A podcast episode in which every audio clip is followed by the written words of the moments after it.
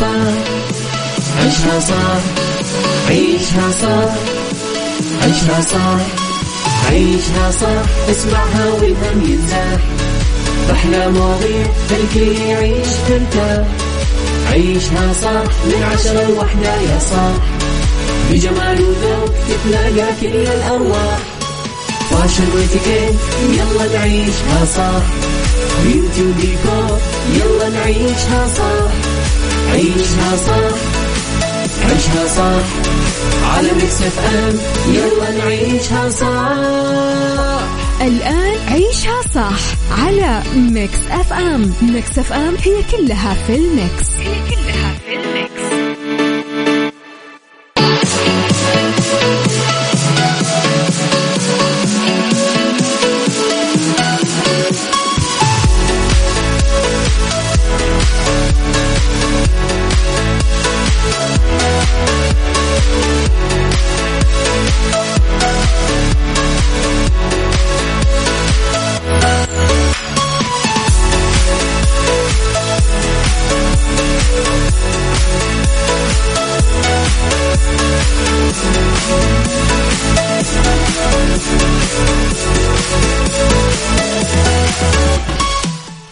صباح الورد والجمال والسعادة والرضا والخير والمحبة والتوفيق والفلاح.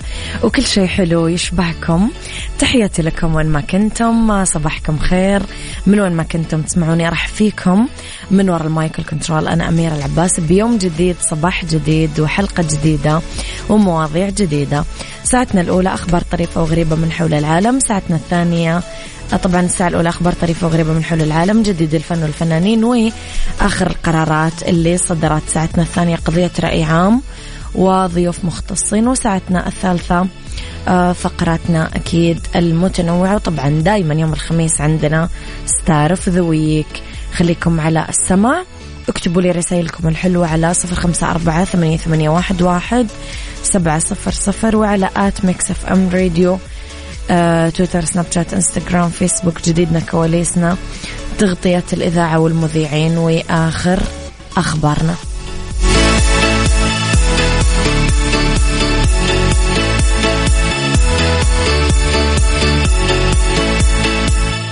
عيشها صح مع أميرة العباس على Mix FM. Mix FM هي كلها في ال mix. هي كلها في ال mix.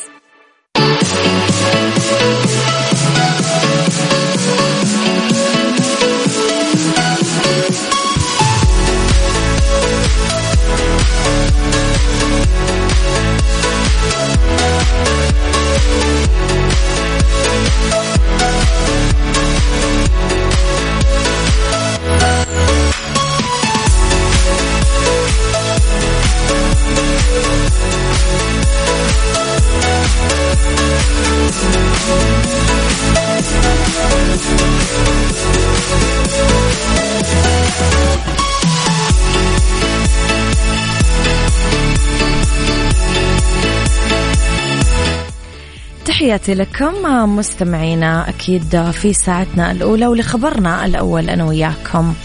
رأس صاحب السمو الملكي الأمير خالد الفيصل مستشار خادم الحرمين الشريفين أمير منطقة مكة المكرمة في مقر الإمارة اجتماع لجنة الحج المركزية واستعرضت اللجنة خطط الجهات لموسم رمضان الرامية لتكثيف الجولات الميدانية والرقابية لتوفير أفضل الخدمات أكيد لضيوف الرحمن.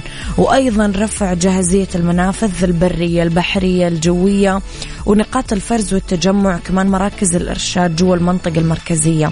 بالإضافة للتوسع في آه، أتمة إجراءات خدمات الاستقبال والتوديع أو تخفيض فترة بقاء المعتمرين بساحات المطار زيادة أعداد الحافلات البلدية المخصصة اللي تنقل ضيوف الرحمن وناقشت اللجنة عدد من الموضوعات المدرجة على جدول الأعمال وما رفعته اللجنة التنفيذية للجنة الحج المركزية واتخذت حيالها التوصيات اللازمة.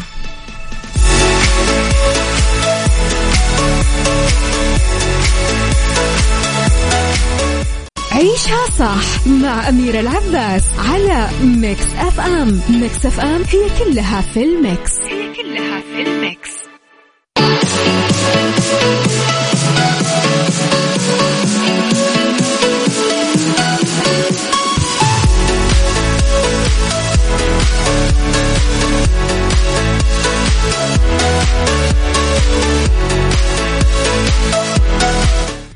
صباحكم وردة مستمعينا مرة كمان. ارسلوا لي رسائلكم الحلوة وتصبيحاتكم على صفر خمسة أربعة ثمانية واحد سبعة صفر صفر. صباح الخير والفل والياسمين صباح الخير يا وجه الخير. عودا حميدا تو ما نورت الإذاعة دندونة الغالية. دنيا العبيدي يسعد صباحك بكل الخير يا أحلى صديقة للبرنامج. لخبرنا التالي ردت النجمة سمية الخشاب بطريقة ساخرة على حملة الهجوم اللي تعرضت لها بعد منشورها الأخير عن مقاومة الطاقة السلبية السائدة الآن. وأعلنت سمية في تغريدة آه، جديدة عن حاجتها لجهاز هضمي جديد لأنه في ناس ما تتبلعش على حسب وصفها. سمية قطعت سلسلة تغريدات تشرح فيها طريقتها للمقاومة آه، آه، قدام الطاقة السلبية وأجواء الاكتئاب السائد الآن. وقالت في تويتر بتغريدات قالت أنا عايزة جهاز هضمي جديد وزيادة عشان الناس اللي ما بتتبلعش. متابعة قالت لها ما هي ما بتتبلعش تهضميها ليه أجابت عشان ساعات بتضطر تبلعهم عشان ما بقاش غير مهذبة.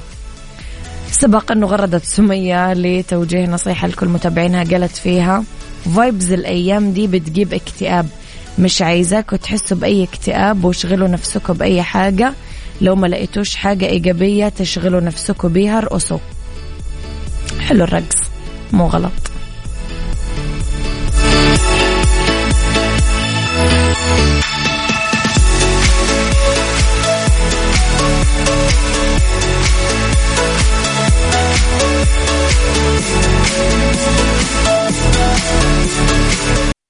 عيشها صح مع أميرة العباس على Mix FM. Mix FM هي كلها في ال mix. هي كلها في ال mix.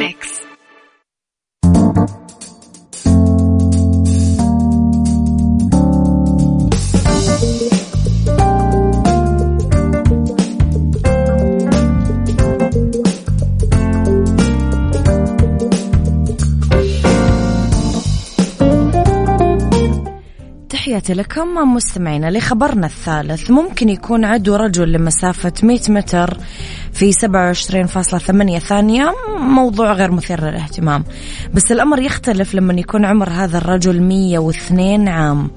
الرياضي التايلندي آه، سوانغان برام يشتهر آه، بكونه أقدم عداء في الدولة الواقعة جنوب شرق آسيا. شارك أربع مرات في بطولة تايلاند السنوية للرياضيين آه، الأساتذة. في مطلع الأسبوع خلال الدورة الستة وعشرين للبطولة اللي عملوها في مقاطعة ساموت سونغرام. جنوب غرب البلاد فاز بكل الميداليات الذهبية بفئة 100 و 150 سنة لأنه تجاوز كل المنافسين في هذيك الفئة العمرية. ولما سئل عن السر وراء عمره الطويل قال الرياضة خلتني قوي وجيد بالإضافة التمارين تحسن شهيتك عشان تاكل كمان كويس. يعتاد سوانج يمشي كل يوم مع بنته اللي عمرها سبعين آه ويعملون أعمال منزلية بسيطة كنس الأوراق المتساقطة بالحديقة كان يزيد آه، من الجرعة قبل المنافسات يعني يتدرب مرتين في اليوم لمدة أسبوع بملعب محلي مع بنته. شايفين الكتكتة والكياتة واللطف والرقة؟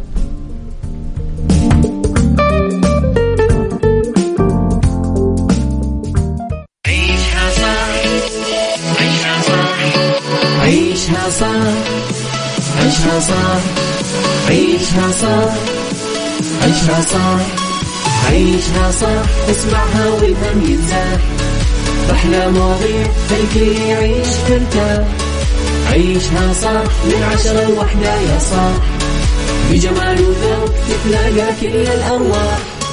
fashion وإتيكيت يلا نعيشها صح beauty وديكور يلا نعيشها صح. عيشها صح. عيشها صح. على Mix FM. يلا نعيشها صح.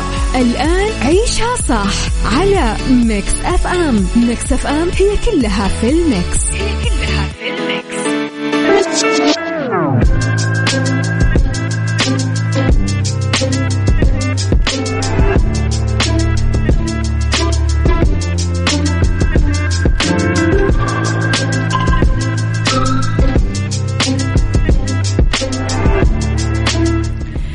يا صباح الورد والجمال والخير والرضا والعافية والفلاح. تحياتي لكم مستمعينا وين ما كنتم. صباحكم خير من وين ما كنتم. تسمعوني في ساعتنا الثانية. اختلاف الرأي لا يفسد للود قضية ولولا اختلاف الأذواق. طبعا لبارة السلع توضع دائما مواضعنا على الطاولة. بالعيوب المزايا السلبيات الإيجابيات السيئات الحسنات. تكونون أنتم الحكم الأول والأخير بالموضوع. وبنهاية الحلقة نحاول أننا نصل لحل العقدة ولمربط الفرس. ضيفتنا اليوم مو جديدة عليكم أبدا. يعني ضيفتنا صديقة Mix FM خليني أسميها. وصديقتي أنا شخصيا اسمحوا لي أستضيف دكتورة سالي محمود حمدي أخصائية الجلدية والتجميل. يسعد صباحك دكتور. صباح الفل يا حبيبتي. وحشتيني جدا. أنت اللي وحشتيني. وحشتي Mix FM صراحة. ربنا يخليك. آه غبتي عننا فترة. كتير شوي. آه. بس آه اللي حلو أنه الغيبة هذه بنجاحات الحمد لله بمؤتمرات حلوة ب شغل رائع وناجح بتكريمات تشرف فالغيبة لما تكون بهذه النتائج الحلوة إحنا كدنا ننبسط يعني. ربنا يخليك. الله يسعدك يا رب. دكتورة إحنا نعرف إنه ال filler يمكن حاجة تخلينا أحلى. النظرية العامة إنه هي تكبر مناطق معينة تكبر الخدود تكبر الشفايف. هذا المفهوم السائد. هل في فعلا filler يحفز الكولاجين؟ آه في. في filler بس خلينا نقول الأول هو إيه يعني إيه فيلر أوكي. فيلر يعني معناه مادة مالئة. يعني مكان فاضي وإحنا بنملاه. okay؟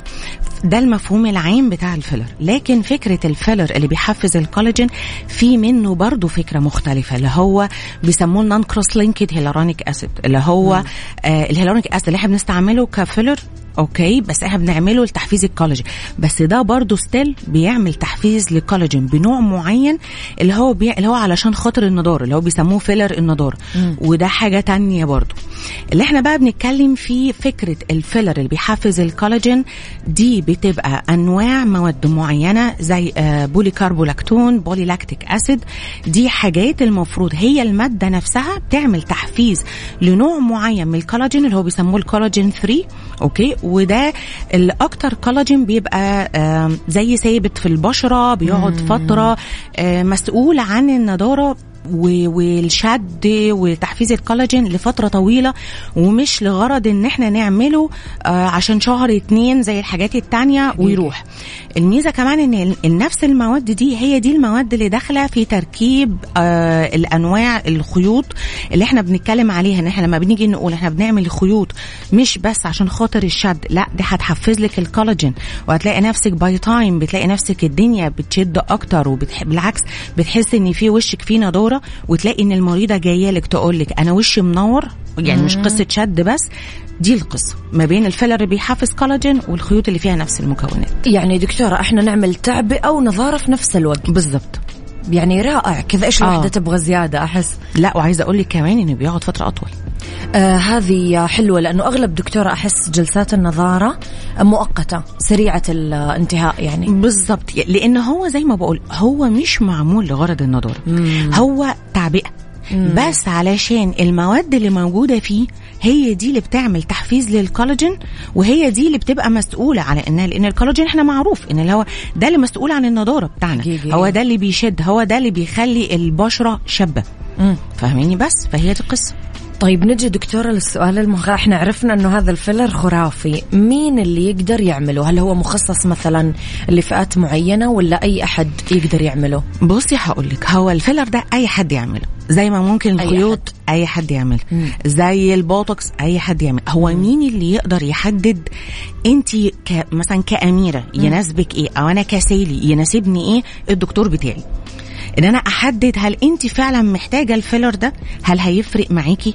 فاهميني بس هي دي القصة في الآخر إنما في الآخر هو أي حد ممكن يعمله آه الناس كمان اللي بتشتكي من مشاكل في بشرتها أو بتشتكي من ترهل في البشرة م. النوع الفيلر ده هيفرق معاها كتير أنا دكتورة لسه جاية أسألك إنه الناس اللي بيترهل جسمها مثلا بتعمل رياضة وبتحل المشكلة أو بتعمل عمليات شد وشفط وغيره م. إيش علاقة ال filler بترهل البشرة؟ بصي هو ال filler نفسه ملوش علاقة كامتلاء أوه. بصي انت عندك حتة فاضية okay هتمليها هتشد حلو. okay ده ده الطبيعي في أي نوع من أنواع ال filler ايا كان هو نوعه إيه مم. إنما لو إحنا بنتكلم على ال filler إحنا بنتكلم فيه سواء اللي هو ال polycaprolactone فكرته إن هو مش بس هيملى لي المكان هي الفكرة إن هو مع الوقت okay لما يبتدي يحفز لي الكولاجين هيبتدي يحسن لي طبعا أنا بتكلم في درجة معينة من الترهل مش بتكلم في حد مثلا محتاج face lift أو شد وجه جراحي أو محتاج يشد وشه بالخيوط واقول له تعالى هعمل لك ال filler هيفرق معاك يعني فاهماني هي عملية تقييمية في الآخر إن تشوفي إيه اللي هينفع. فهي الفكرة إن هو لأ بينفع.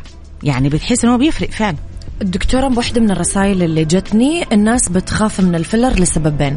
في ناس تقول إنه بيكتل أو بيحجر وفي ناس بتقول إنه بعد ما يذوب المنطقة حقتي ما حترجع زي الأول. مثلا الشفايف حيخرب شكلها الخدود حتطيح. صححي لنا دكتورة هذه المفهوم طيب آه إحنا هنتكلم على فكرة ال filler لما يروح إيه اللي هيحصل؟ عموما آه لاول موضوع أنت قلتي لي اللي صح؟ هو تحجر أيوة. هو التكتل والتحجر هي قصة نوع filler وإيد دكتور بيحكي صح. okay. فهي دي الفكرة. وإن العيال لما يروح البيت ما يقعدش يلعب في المكان اللي إحنا اشتغلنا فيه. حقيقي ما تقوليش أنا روحت عملت مساج أصل أنا روحت عملت كده. ما هو ده اللي بيعمل لنا مشكلة إن في الآخر المريض آه يقول لك لا ما أنا صاحبتي قالت لي اعملي مساج لشفايفك لما تروحي. لا ما. أنا دايما بنبه كده. ما تمديش إيدك في المكان اللي أنا اشتغلت فيه. مش عايزاكي تعملي حاجة خالص. أحيانا فاهماني؟ تكون غلطة المريض نفسه. بالظبط كده. فده لو بنتكلم في قصة التكتل والتحجر okay. طيب خلينا نقول ال filler لما يروح. لو بنتكلم في ال filler العادي هو ال filler لما بيروح بيروح. خلاص لأن إحنا عندنا بالنسبة مثلا ال filler hyaluronic acid آه عندنا ماده ال hyaluronidase موجودة عندنا في بشرتنا بتكسره. تمام؟ okay. آه آه، خليني أقول لك بقى كمان الحاجة الألطف من كده. ال filler اللي هو بيحفز الكولاجين اللي هو البولي كابرولاكتون it's very safe ليه بقى؟ ليه آمن؟ لأن هو لما هيجي يتكسر هيطلع لي آه ثاني أكسيد الكربون ومية. okay؟ طب ما هو ده أصلا إحنا بنتعامل معاه دي حاجات موجودة في بشرتنا عادي. آه لو إحنا ثاني اكسيد الكربون ده اللي بيطلع من تنفسنا. المية ما هي موجودة في بشرتنا وده اللي إحنا محتاجينه. فده دي نهايته. دي ال end stage بتاعته اللي هو لما يروح خالص. يعني دكتورة حتسألك البنت تقولك أنا كان شكل شفايفي صغيرة بعدين قررت إني أكبرها بال filler. Okay. بعد ما يذوب ال filler هل حرجع لشكلي الأول ولا حيخرب الشكل؟ هيرجع لشكلك الأول وأحسن شوية. لأنه زاد الكولاجين و بصي هي الفكرة مش بس قصة الشفايف إحنا بنتكلم overall آه. يعني بنتكلم على البشرة آه إن هي الفكرة إن زي ما بقول لك عشان قصة تحفيز الكولاجين ال filler راح بس الكولاجين بتاعنا ما راحش اللي إحنا حفزناه. يبقى في الآخر إحنا استفدنا إن آه. بعد ما ال filler خلاص مدته ما راحت الكولاجين اللي هو اللي هو تم تحفيزه لسه موجود آه. فمديني لسه نتائج أفضل بس فهيبقى لا يبقى إحنا ساعتها ما خسر ما, ما وصلناش للل level zero اللي هي كانت جاية بيه. إحنا بقينا level 1 بقينا احسن شوية. مية بالمية.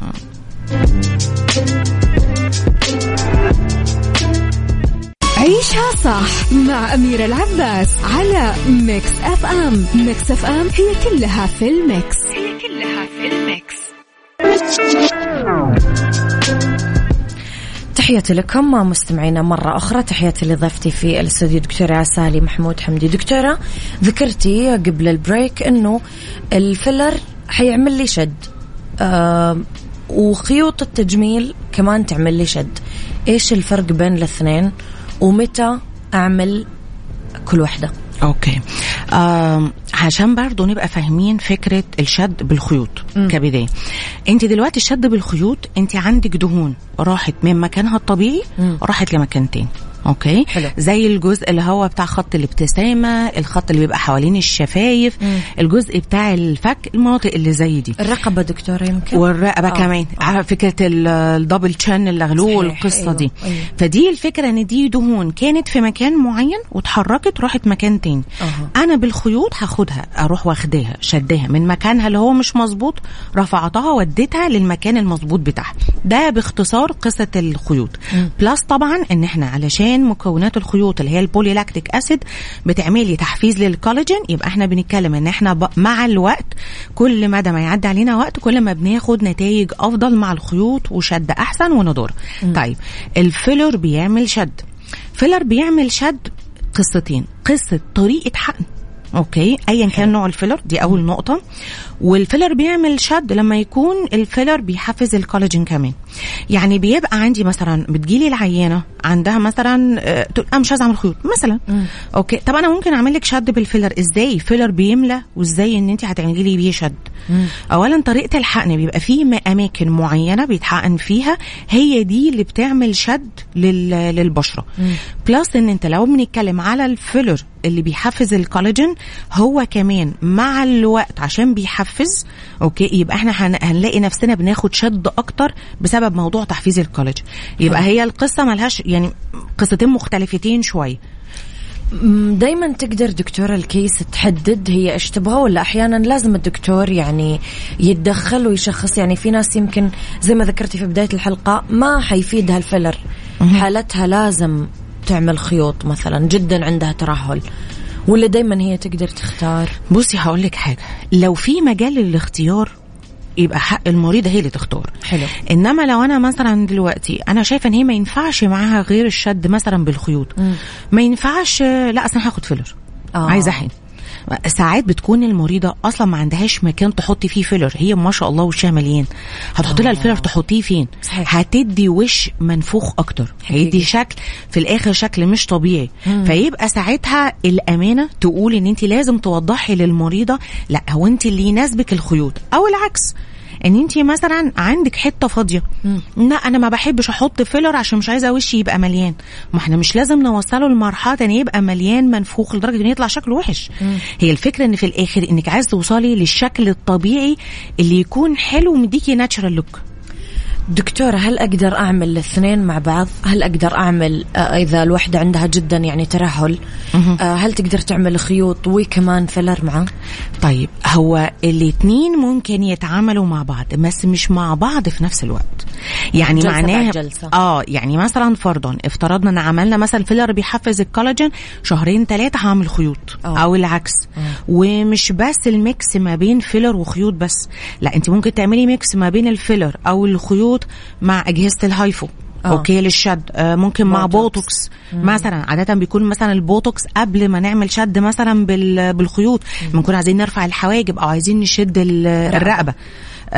ممكن مثلا أنا شايفة إنها عندها مشكلة في بشرتها ايا كانت هي إيه هعمل قبل هعمل بعد. إنما مش in the same setting يعني مش في نفس القعدة عشان ما يتضاربوش مع بعض وناخد أفضل نتيجة من كل حاجة إحنا بنعملها. أهم شيء المتابعة والالتزام بصي أنا هقول لك. حاجة أنا مؤمنة جدا بقصة ال combined therapy إن انت العلاج المزدوج إن انت آه عندي مشكلة كل ما هتحطي حاجة فيها كل ما هتاخدي نتيجة أفضل سواء إنك تعملي filler مع خيوط. آه حتى عارفة في قصة الندبات والحاجات اللي زي دي المعروف إن ال fractional laser مثلا هو هو ده اللي بيعالج ندبات حب الشباب. أنا عمري ما تعاملت مع حد عنده ندبات وأقول له fractional بس. لا أنا هعمل fraction لا أنا هعمل خلايا جذعيه لا أنا هعمل تقطيع ندبات. لا أنا هعمل هعمل هعمل. لأن كل ما بتعملي combined therapy علاج مزدوج كل ما انت ما بتاخدي بونص لبشرتك أكتر. بس. طيب دكتورة زي ما ذكرنا قبل شوي إنه أحيانا الدكتور يؤدي عمله أمانة على أكمل وجه ممكن. بس ال case ما بتتصرف صح أول ما تطلع من العيادة. فالسؤال اللي لازم نسأله هل فعلا يحتاج المريض إنه يتبع أسلوب حياة معين؟ خلال ما هي مثلا عملت خيوط الشد أو الفيلر؟ يعني أمور تتجنبها أمور تتبعها إلى آخره. بصي هقول لك آه لو بنتكلم مثلا على الفيلر okay آه دايما بقول نحاول على قد ما نقدر مثلا لو عاملين في الخدود أو كده بلاش ننام على خدنا. الجنب. آه قدر المستطاع يعني فاهميني؟ عاملة فيلر في شفايفها بلاش نشرب حاجات سخنة لو الناس بتدخن. ما أعرفش إيه. حاجات زي كده. لا هي ال instructions اللي مهمة جدا تعليمات اللي ما بعد الخيوط. آه. لأن أنا دايما حتى بقولها من قبل أصلا ما نبتدي نحضر العيان. مم. لأن لو عندها استعداد ان تلتزم بالتفاصيل دي يا let's go يعني يلا آه، بينا. إيش إيش هي دكتورة؟ زي مثلا آه، فكرة إن إحنا تنظيف البشرة لمدة شهر ما فيش. آه، حمام مغربي ساونا مساج. تعرض للحرارة بأي شكل من آه، الأشكال. tanning أو شيء. آه القصص آه. دي مش هتنفع معايا خالص. أي حركة زيادة ما هي دي النقطة. أي حركة زيادة ايا كان مصدرها. مصدرها ممكن يكون مثلا أنت من النوع بتحبي تاكلي البان كتير فتقعد آه. تحركي الفك كتير ما فيش الكلام ده. فاهماني؟ آه اللي هو ال double cheese burger برضو مش هيظبط معايا لأن. فتحة الفك الزيادة خاصة لما نكون أوه. عاملين خيوط ناحية الفك. okay. آه لا no need عشان كده بقول دكتور السنان مش هيظبط معايا أول شهر. آه. آه قصة الرياضة. الرياضة على حسب. انت بتمشي بتشيلي weight ولا آه. آه. بتلعبي ايروبكس ما كل حاجة من دي بتفرق. أكيد. لا على قد المشي البسيط عادي. ممكن أول أسبوع مثلا. زومبا ما لا بصي ما هو ده انت بتحركي فيه كل جسمك. إنما مثلا وإحنا بنتكلم مشي عادي okay؟ ماشي after يعني بعد أسبوع بعد أسبوعين بكتير daily. يعني اعملي اللي انت عايزاه. إنما الناس اللي بتشيل weight انت أصلا بتشنجي كل عضلات حقيقي. بشرتك. حقيقي. فيبقى إزاي؟ على فكرة الكلام ده كمان مع البوتوكس أنا دايما بقوله. إن انت ما تلعبيليش weight أو تلعبي لي رياضة بتتحركي فيها كتير نعمل فيها الكلام ده. مهم قوي كمان مش بس ال instructions اللي بعد ال- الخيوط إنك تاخدي كمان آه، معلومات كافية عن المريض بتاعك قبل. أنواع الأدوية اللي بياخدها. ال life? style بتاعته في الحياة. تعرفي هل هو عنده events أو عنده plans مثلا لقدام ولا لأ؟ آه. علشان ما تبقيش أنت السبب إنك بتبوظي له دنيته أصلا عشان عملتي له الكلام ده. فدي حاجات كو- يعني لازم يتابع فيها. أنت لما بتعملي خيوط أمانة أنا يعني أشوف شغلك دائما ما ب- ما بيكدم الوجه ولا مثلا تصير الوحده خلاص ما هي قادرة تقابل أحد. أنا معاكي بس بس يمكن تحتاج شوية break. للظروف. بصي صح. للظروف. افرضي مثلا دي بتاخد مثلا أدوية مثلا زي الأسبرين أو الحاجات اللي بتعمل سيولة أو بتاخد آه. vitamins اللي بتعمل سيولة. غصب عني هي في دم هينزل. فممكن صحيح. يسيب مكانه زريق كدمات صحيح، صحيح. فأنا هبقى عاملة احتياطاتي. ما يبقاش عندها مناسبة الأسبوع الجاي. وأنا أقول لها تعالي اعملي أنت ما قلتي لي. بالظبط. فلازم أكون منبهاها. أعرف هي كمان دنيتها إيه. في أدوية بتعمل الكلام ده. في ناس طبيعتها حساس شوية. فممكن من النوع اللي بيورم. أو نوع مثلا لما تيجي مثلا أنت بتشدي ايدي ورم عادة يعني اولموست مثلا هقول لك 90% من الحالات ما فيش القصص دي خالص. الحمد لله. بس أنا لازم أعمل حساب ال 10% التانيين أكيد أكيد. فاهماني؟ دكتور أنا حرجع لهذا الموضوع لأنه يمكن أهم أهم نقطة في حلقتنا. حنطلع النشرة الرياضية ونرجع نكمل. يلا بينا.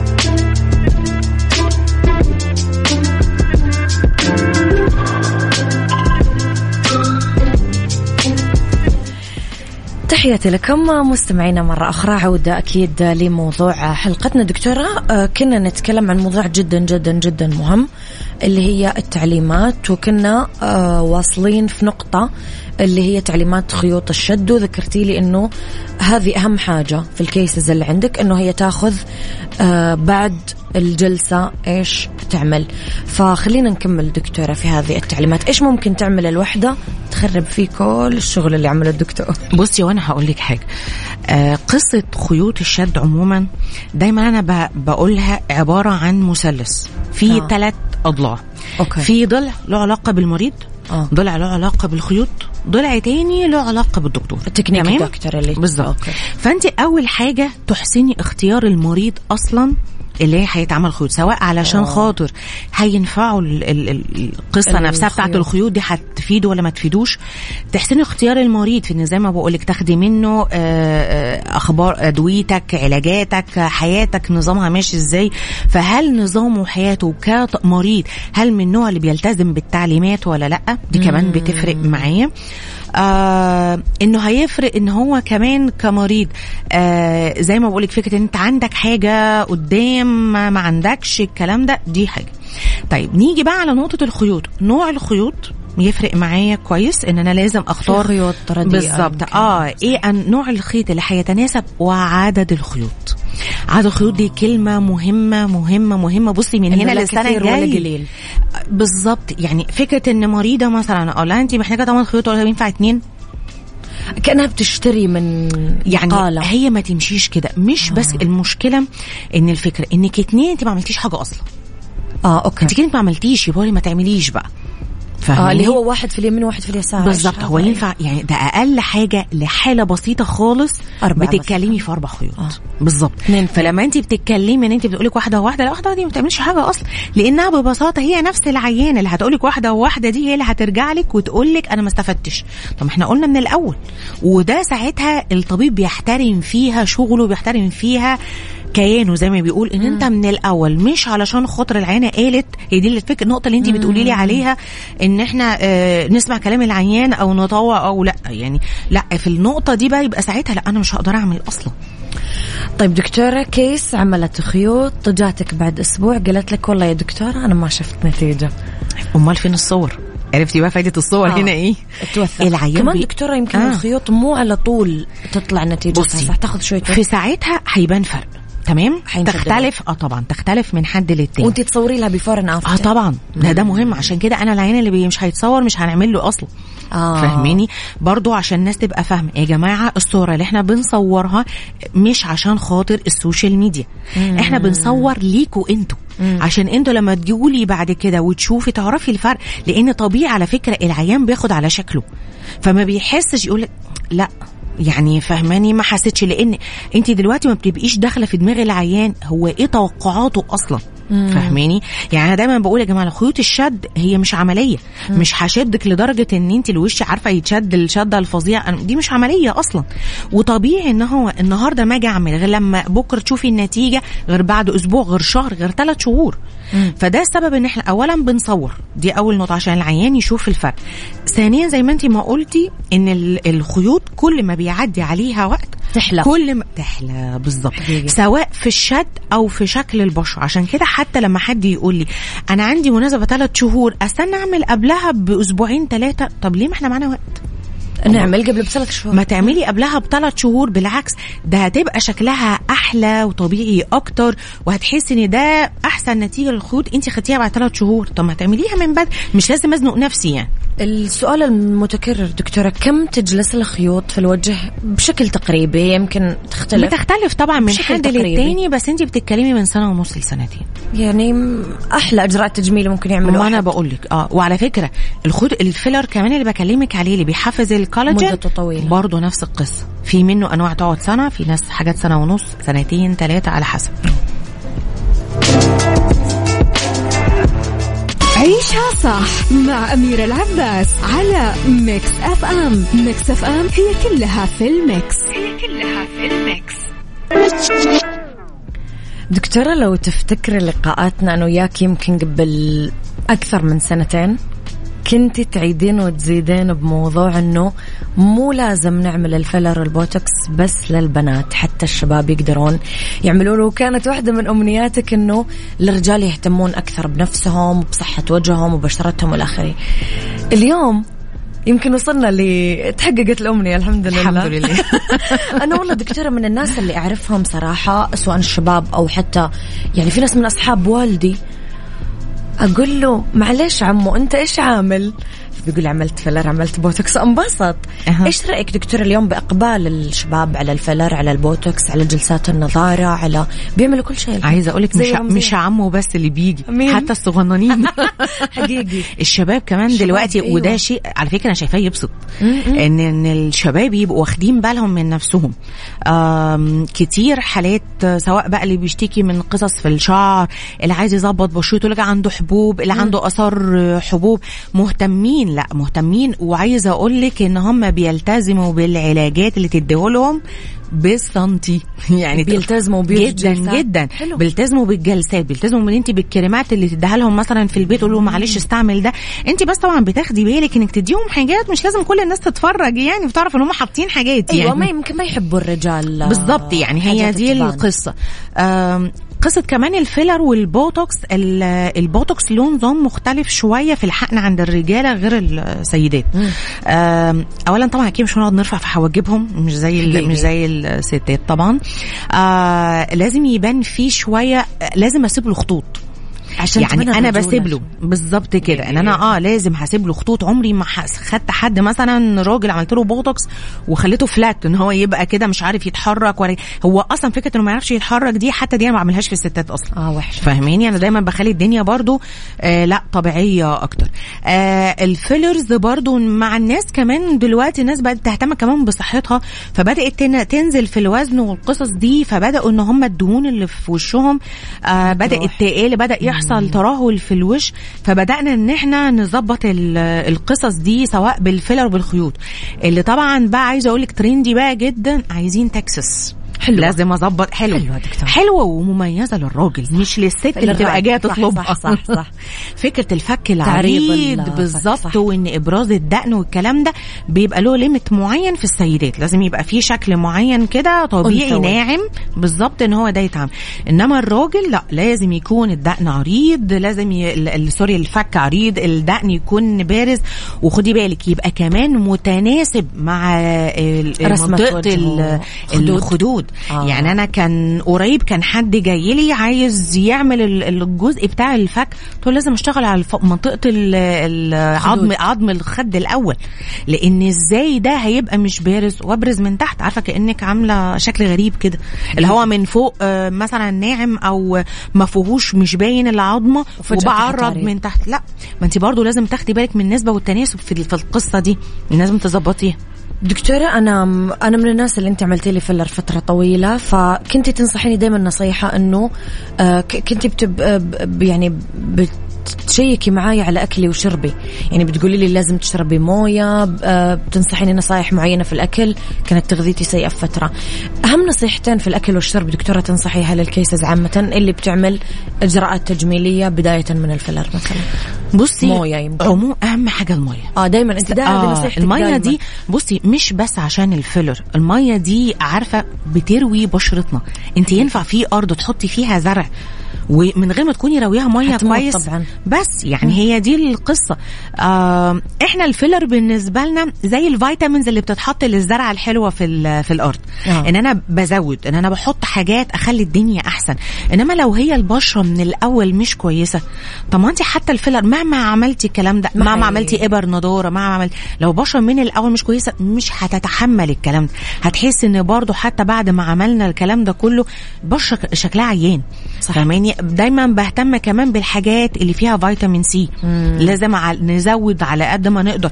مش قادرين ناكلها طب نشربها عصير. فوار أو مثلا. بالظبط. أو ناخد فوار أو ناخد vitamins. آه. المهم في الآخر زي ما إحنا بنهتم بالدنيا من بره لازم نهتم بيها من جوه كتير. ما أبغى الحلقة تخلص. والله ولا لأنك أنت أصلا جداً. وحشاني جدا. وانت وحشتيني مبسوطة. إن أنا شايفاكي أصلا. أنا دائما مبسوطة فيك دكتورة وبنجاحك وأتمنى لك حقيقي كل شيء يعني يليق فيك وباسمك. ربنا يخليكي. ميرسي يا حبيبتي خالص. الله يسعدك. يا رب نورتي البرنامج اليوم. ده نورك يا حبيبتي. أنت اللي نورتي القناة. كنت بقالك فترة في شهر. إجازة. أيوه. أول مرة في حياتي. أيوه. الله يسعدك يا رب. اذا اللي نورت حلقتنا اليوم طبعا ضيفتنا وصديقة ميكس أف أم من آه، زمان آه، دكتورتنا الجميلة الدكتورة سالي محمود حمدي إخصائية الجلدية والتجميل. آه، يعطيك ألف عافية دكتورة. الله يعافيك يا حبيبتي. وأكيد تقدرون تلاقون حسابات آه، دكتورة سالي موجودة في آه، ميكس اف ام. راح تقدرون ترجعون لحساباتها وتتابعون دائما جديدها وتوجهوا لها بشكل مباشر أسئلتكم. تحياتي لك دكتورة يومك سعيد. انت أسعد حبيبتي. bye bye.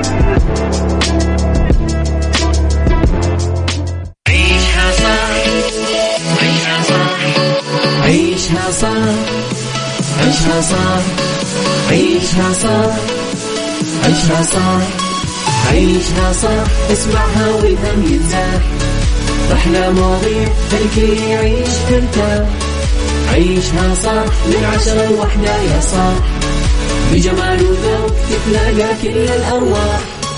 فاشل واتيكيت يلا نعيشها صح beauty وديكور يلا نعيشها صح عيشها صح عيشها صح. على ميكس اف ام يلا نعيشها صح.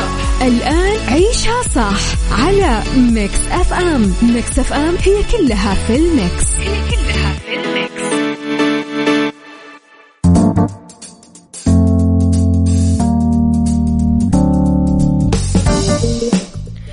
يا مساء الخير والورد والجمال والسعادة والرضا والعافية والفلاح. تحياتي لكم مستمعينا وين ما كنتم. مساكم خير من وين ما كنتم. تسمعوني راح فيكم في ساعتنا الثالثة أولى ساعات المساء وآخر ساعات عيشها صح. ندردش أنا وياكم فيها عن فقراتنا المتنوعة اللي أنتم تحبونها. وفي هذه الساعة تحديدا نتكلم في ربط أحزمة على أهم نصائح السفر في الربيع. في fashion إطلالات كاجوال للرجال مريحة بفصل الصيف. في star of the week مفاجأة ماني قايلة لكم إيش هي. بس خليني أقول لكم على آه، طبعا مزاد كنوز بالرياض. مزاد علني لبيع مجموعة من العقارات المتنوعة بمدينة الرياض. المزاد يوم الجمعة 4 March 2022 طبعا فندق الشيراتون للاستفسار عن مزاد كنوز بالرياض شركة السعدون العقارية. تليفون 92 3 أصفار 3 8 5 2 يلا بينا.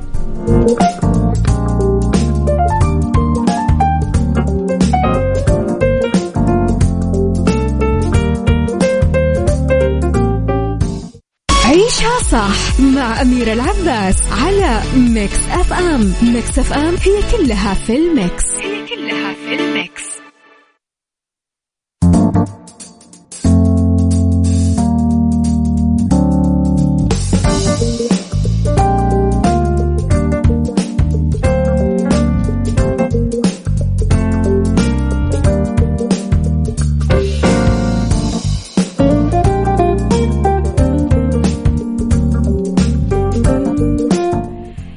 تحياتي لكم مستمعين اسمحوا لي أستضيف ضيفي هاتفيا آه، الأستاذ غالب بن حمد السعدون نائب رئيس مجلس الإدارة والعضو المنتدب لشركة السعدون العقارية. يسعد مساك أستاذ غالب. أهلا أهلا أهلا وسهلا. حياكم الله. حياك الله. نرحب فيك في إذاعة مكسف أم. أستاذ غالب حابين نسألك أول سؤال. ما هي المزادات خلال هذا الشهر عندكم بشركة السعدون العقارية؟ والله الحمد لله رب العالمين اولا. نعم. آه المزادات اللي فقط في هذا الشهر أكثر من ثلاث أو أربع مزادات. فيها مزاد فيها مزادات إلكترونية وفيها مزادات حضورية. وفي أول فيه اللي بعد يومين اللي طبعا عفوا بكرة في مزاد حضوري في الشيراتون يوم 4 3 نعم. إيش مزاد كنوز الرياض وإيش شروط الدخول فيه؟ والله الحقيقة إحنا دائما شروطنا سهلة وميسرة. يعني فقط أبد يحضر الشخص أو وكيله شيك مصدق ب ألف آه، ريال فقط. هذا بالنسبة للشروط. بالنسبة لكنوز آه، الرياض طبعا هذا آه، حقيقة جمعنا فيه مجموعة عقارات منوعة ومميزة. فيها سكني فيها تجاري فيها صناعي وفيها عوائد مجزية. فجمعناها في مجموعة سميناها كنوز الرياض وفعلا إن شاء الله من يحصل على واحد منها بيحصل على كنز ومثمر بإذن الله عز وجل. وطبعا آه يعني هذا يوم آه يوم أربعة ثلاثة اللي هو بكرة الجمعة. هذا هو المزاد بيكون في الشرطن عصر يوم الجمعة. بإذن الله. إيش رؤيتكم أستاذ غالب لسوق العقار في الوقت الحاضر؟ والله الحقيقة سوق العقار سوق واعد جدا. ومن بعد فترة كورونا إلى الآن نمر الحقيقة بطفرة كبيرة في سوق العقار خصوصا في المنطقة الوسطى. يعني خصوصا مشاريع المشاريع اللي أقيمت ورؤية 2030 ورؤية المملكة خصوصا المشاريع المستقبلية. الحقيقة أسهمت بشكل كبير جدا في ارتفاع سوق العقار في المنطقة الوسطى والمملكة بالعموم لكن بالذات آه، الرياض والمناطق القريبة منها ارتفعت ارتفاع كبير جدا. فأنا أقول هذه فرصة للمستثمر الصغير أنه يغتنم الفرصة قبل فوات الأوان خصوصا أن المملكة دائما استعوده في نظام القطاع العقاري فلا يمكن احد ان يعمل في القطاع العقاري إلا يكون سعودي وهذا أيضا حافز آخر للدخول في سوق العقار. بما أنكم تعملون أستاذ غالب مزادات إلكترونية، إيش الجديد عندكم بشركه السعدون العقارية بهذا الصدد؟ والله الحقيقة أن ودنا نقول لكم مفاجأة يعني الحقيقة أن اجتهدنا أكثر من يعني أكثر من سنة ونص نشتغل على تطبيق مميز وسهل وميسر بحيث إنه يكون آه، في متناول الجميع. وأنت في جالس في بيتك وأنت في مكتبك وأنت في أي مكان ممكن تقدر تشارك في المزادات بكل سهولة. وأسميناه مزاد آه، عقار. طبعا هذا المزاد إن شاء الله بندشنا خلال آه، غدا إن شاء الله. وبيكون فترة تجريبية. وبنطرح فيه أيضا من خلالكم إن يعني للمستمعين إن يعني نفاجئهم إن المزاد إن عندنا عقار نطرحه بريال واحد فقط أوه. وأي واحد يدخل في التطبيق ممكن يزاود فيه وممكن يحصل عليه فقط بريال واحد على أرض صغيرة في حاطينها كهدية وأيضا عربون لكل من يشترك معنا بإذن الله عز وجل في هذا التطبيق. أستاذ كلمة ممكن توجهونها لعملائكم في هذا اللقاء؟ يعني أنا أقول الحقيقة أي واحد يعني غدا أنا أدعو يحضر غدا في الشرطين في يوم الجمعة نعم.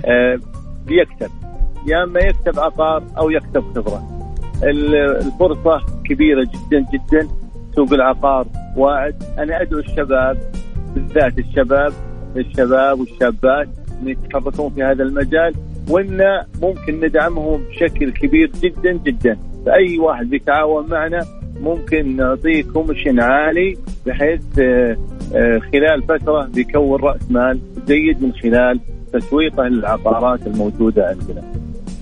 يعطيك ألف عافية أستاذ غالب سعدت بلقائك وكل التوفيق لكم أكيد في خطواتكم القادمة.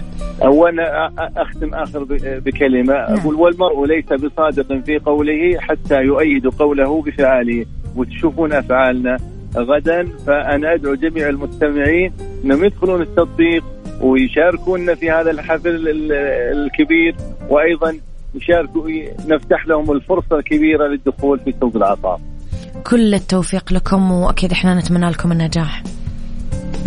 شكرا شكرا شكرا لك يا أميرة. أشكرك اذا أستاذ غالب بن حمد اسعدون نائب رئيس مجلس الإدارة والعضو المنتدب لشركة السعدون العقارية تحياتي لك أشكرك.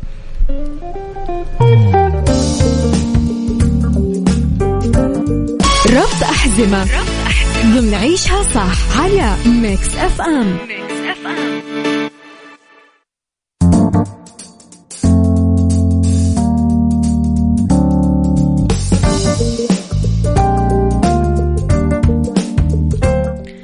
من أهم النصائح اللي رح ننصحكم فيها للسفر في الربيع. في كثير نصائح ضرورية يفضل, يفضل أنه آه يتبعها أي مسافر خلال الرحلة فصل الربيع. ممكن تتحدد بمجموعة النقاط اللي رح نذكرها. أول شيء احجزوا بدري. دايما لما تخططون لأي سفرة احجزوا آه بدري كل الخدمات والبرامج مكان الإقامة التذاكر عشان تكون كل الأمور على أتم استعداد بدون حدوث أي عرقلة. خذوا ملابس كل يوم. يعني لبسة لكل يوم. هذا يعني تخففون فيه التوتر و راح تقدرون تفصلون فيه الملابس النظيفة عن الوسخة. التقطوا صور. لما تزورون منتزهات لأنه راح تحسون كثير بالاستمتاع. اشتروا تأمين السفر لازم تشترون تأمين السفر آه عشان تحمون الإجازة من أي اضطرابات أو تأخيرات. آه خذوا الأساسيات فقط جوا حقيبة السفر. آه ولا تحطون كثير أشياء جوا الشنطة عشان لا تزيد عليكم الحمولة. بهذه الطريقة راح تقدرون تسافرون سفرة يعني مريحة وكيوتة. وسريعة وسهلة. خليني أقول لكم على النايفات للتمويل. تحت إشراف البنك السعودي المركزي تقدم لكم أحسن حلول تمويلية للأفراد والشركات الصغيرة والمتوسطة. غير كذا النايفات عندهم بطاقة فيزا مرنة ولا أسهل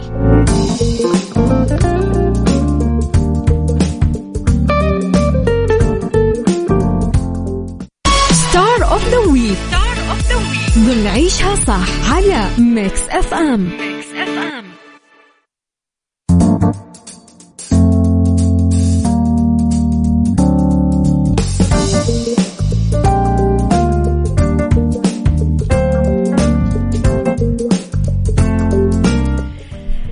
تحياتي لكم. star of the week ال superstar راغب علامة. طبعا راح نتكلم عن راغب علامة. مغني لبناني ولد بمنزل جده جنوب بيروت عيلة مكونة من تسع أبناء ترتيبه الرابع. تولى شقيقه خضر علامة إدارة أعماله. الحي اللي ولد فيه اشتهر باسم آل علامة لكونه كان في قاضي شهير في الحي يحمل اسم رغب علامة وقام والده لما ولد وسماه نفس اسم القاضي تيمنا فيه وراح يتمنى أنه يصير نجله اللي هو ابنه مثل القاضي. بالوقت ذاته كان أبوه يعرف يعزف على العود آه، كهواية وكان يجلس جنب أبوه ويستمتع بعزفه ولفت أنظار أساتذته بصوته فتم إسناده لإحياء حفلات المدرسة دخل فريق المدرسة كثير منافسات مع المدارس الأخرى آه، فأساتذة الموسيقى والمختصين نصحوه أنه لازم يصقل موهبته آه، وتقدم وهو تحت ال 12 سنة لبرنامج إذاعي شهير بإذاعة اللبنانية انتسب لمعهد موسيقي لبناني درس عود سالفيج. آه، بعد التخرج من المعهد تخرج بتقدير جيد جدا. كان من أوائل الدفعة. بداية حياته الفنية كانت أول أغنية قدمها اتفرج على الحلاوة.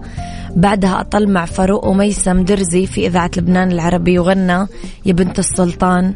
أول ألبومات الغنائية كانت آه، بكرة بيبرم دولابك اللي استقبلوا سوق الكاسيت بلبنان بمنتصف الثمانينات. وراحت الجماهير اللبنانية والسورية تردد أغانيه خاصة عبالك النغم ومبروك. آه توالت بعدها ألبوماته. آه، أشهر وأهم ألبوماته اللي قدمتها باللهجة اللبنانية قبل حضوره لمصر.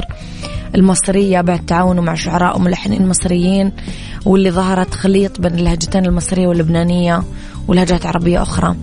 عندنا أشهر أغاني طبعا مغرم يا ليل قلبي عشقها بتغيب بتروح اللي مع ملكة الإحساس أليسا نسيني الدنيا سنين رايحة طب ليه؟ شفتك تلخبط اللي بعنا ممكن أزعلك وغيره من الأغاني الحلوة للسوبر ستار راغب. علامة إيش رأيكم نسمع؟ ممكن أزعلك.